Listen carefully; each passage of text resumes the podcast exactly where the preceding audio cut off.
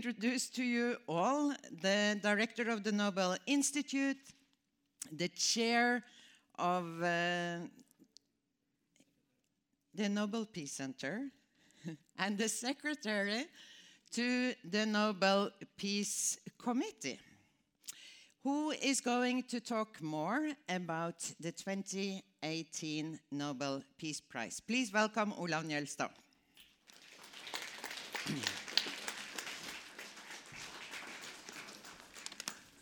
Thank you, Liv. Uh, let me start by correcting something Liv just said. She said I would give the Nobel lecture. Uh, the Nobel lecture is the name we use for the speech by the laureate every year when they receive the prize in the City Hall of Oslo. So I will definitely not give a Nobel lecture. but I will try to say a few words about this year's prize and the two prize winners. And then we will open the floor for questions and comments from you in the audience. As you will remember from yesterday, the chair of the Norwegian Nobel Committee, Mrs. Berit Reiss-Andersen, announced that the committee this year had decided to award the Nobel Peace Prize to Denis Mukwege, or Denis Mukwege, as I've been told the right pronunciation is, and Nadia Murad for their both uh, joint effort to end the use of sexual violence as a weapon of war in armed conflict. And the committee added that both laureates have made a crucial contribution to focusing attention on and combating such war crimes. Each of them has, has, in their own way, helped to expose these war crimes and thereby making it possible to put the perpetrators uh, to account for their crimes. In the words of the committee, the Congolesian, Congolese physician Denis Mukwege is the helper, the helper who has devoted his life to support and defend the victims of such crimes. And particularly in his home country, the Democratic Republic of Congo. Most of the abuses and he, has, he and his team of doctors have helped thousands of women and girls who have been subjected to this kind of violence. And most of the abuses have taken place within the context of a long lasting civil war. Around 6 million people have been killed in this war, which makes it one of the bloodiest armed conflicts in the period after the Second World War. It is important to stress, however, that these war crimes are not a Congolese or African phenomenon only. They have been committed in all times and in every corner of the world and are therefore a truly universal threat to human security. And many people have taken part in the efforts to stop these crimes.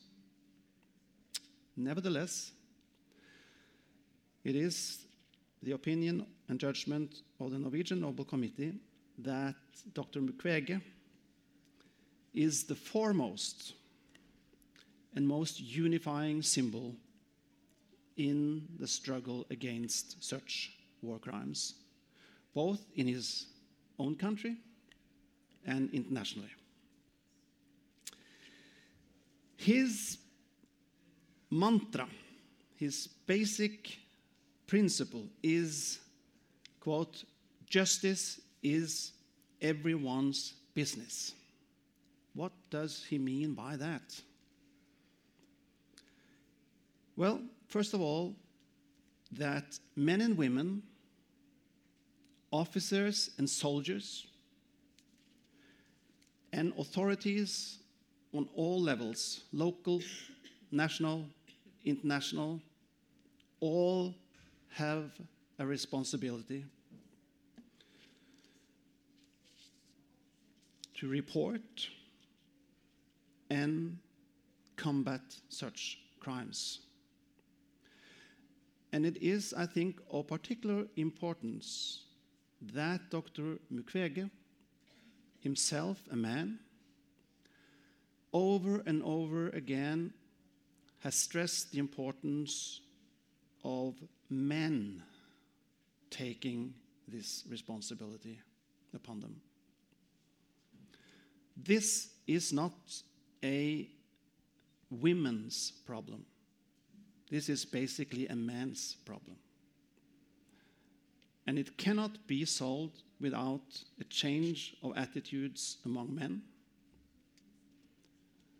both individually and at every level of command.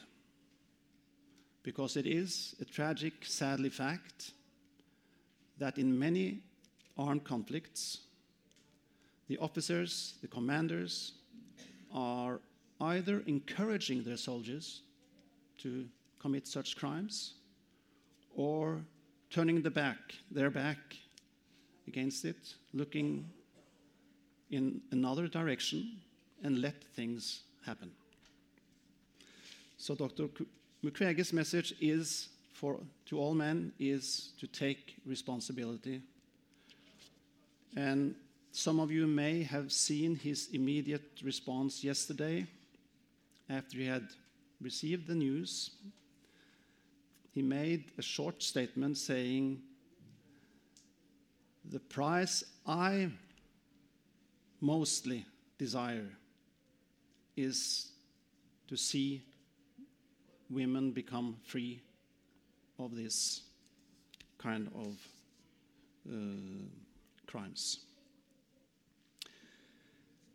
So Dr. Mukwege received the prize as the helper who has committed his life to help and support victims of sexual violence in war, sexual crimes in war, not only helping them by giving medical support and help, but also by offering them a more comprehensive program in order to make it possible for them to come back to society, to be accepted in their local communities, welcomed back by their families, and therefore also getting a chance to a new and better life. Nadia Murad is the victim and the witness who very courageously has decided not to keep silent about the injustice she has been exposed to.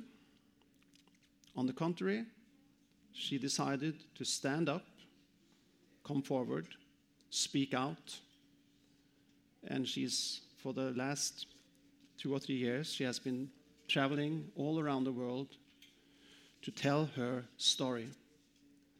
And she has also published a very moving, strong statement in her autobiography, The Last Girl.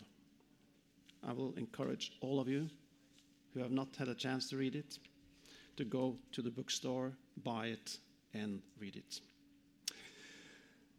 Nadia Murad is a member of the Yazidi minority in northern Iraq, where she lived together with her family. I think there were 11 children. In the village of Kocho, in the Sinjar Mountains district in northern Iraq. And she lived there quietly, happily with her family, until one day in August 2014, the Islamic State attacked her village and other villages in the same district in an extremely brutal, aggressive way. The aim was clearly to exterminate the Yazidi population, nothing less. So the men of the villages were killed right away, massacred. Elder women had the same faith. Younger women, even girls, were adopted, ab- abducted and brought to the ISIS capital of Mosul, where they were kept as sex slaves for the ISIS soldiers. While a captive of ISIS, Nadia was repeatedly subjected to rape and other abuses. And her assaulters even threatened to execute her if she did not convert to their hateful version of Islam. She was just one among an estimated 3,000 Yazidi women and girls who suffered from the ISIS violence and attacks. Even underage children were abused, according to Nadia Murad. And these abuses were systematic, a part of a military strategy. They served thereby as an instrument of war in the fight against Yazidis and other religious minorities. After a three month nightmare, Nadia miraculously was able to escape, and she was helped to escape. And she then decided that she would not become silent. She would not accept the norms which sadly enough exist in many societies and cultures that these kinds of crimes are not to be reported, are not to be talked about. Sexual violence and rape are strictly taboo in many societies, even today. So, what happens is that the victims and their families are being silenced and left back with an unwarranted feeling of shame and guilt, while the perpetrators can walk away from their crimes without risking persecution. To break this vicious circle, it is necessary that the victims come forward and give testimony to the crimes they have been subject to and help identify the assaulters. This is exactly what Nadia Murad decided to do after her escape from ISIS imprisonment in Mosul. And this was a very courageous decision indeed. So, in the words of the Norwegian Nobel Committee, Nadia Murad is the witness who tells of the abuses perpetrated against herself and others. Denis Mukwege and Nadia Murad have both put their personal security at risk by courageously combating war crimes and seeking justice for the victims. This prize has been very positively received worldwide. I've tried to follow on the internet reactions from different parts of the world, and it seems to be a unanimous applaud in their favor, and that is, of course, very satisfying to see. The prize is also very firmly embedded in the will of Alfred Nobel and in the history of the Nobel Peace Prize. It can, I think, be linked to two different types of prizes in the past. One is the humanitarian prizes given to people, organizations that have tried to protect the victims of war. It started with the very first prize in 1901 to Henri Dunant, the founder of the International Red Cross, and there have been many more prizes like that.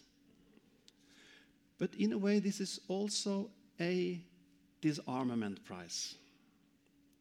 Because the way these kinds of war crimes have been defined and now firmly defined in terms of international law is that they are serving as a weapon.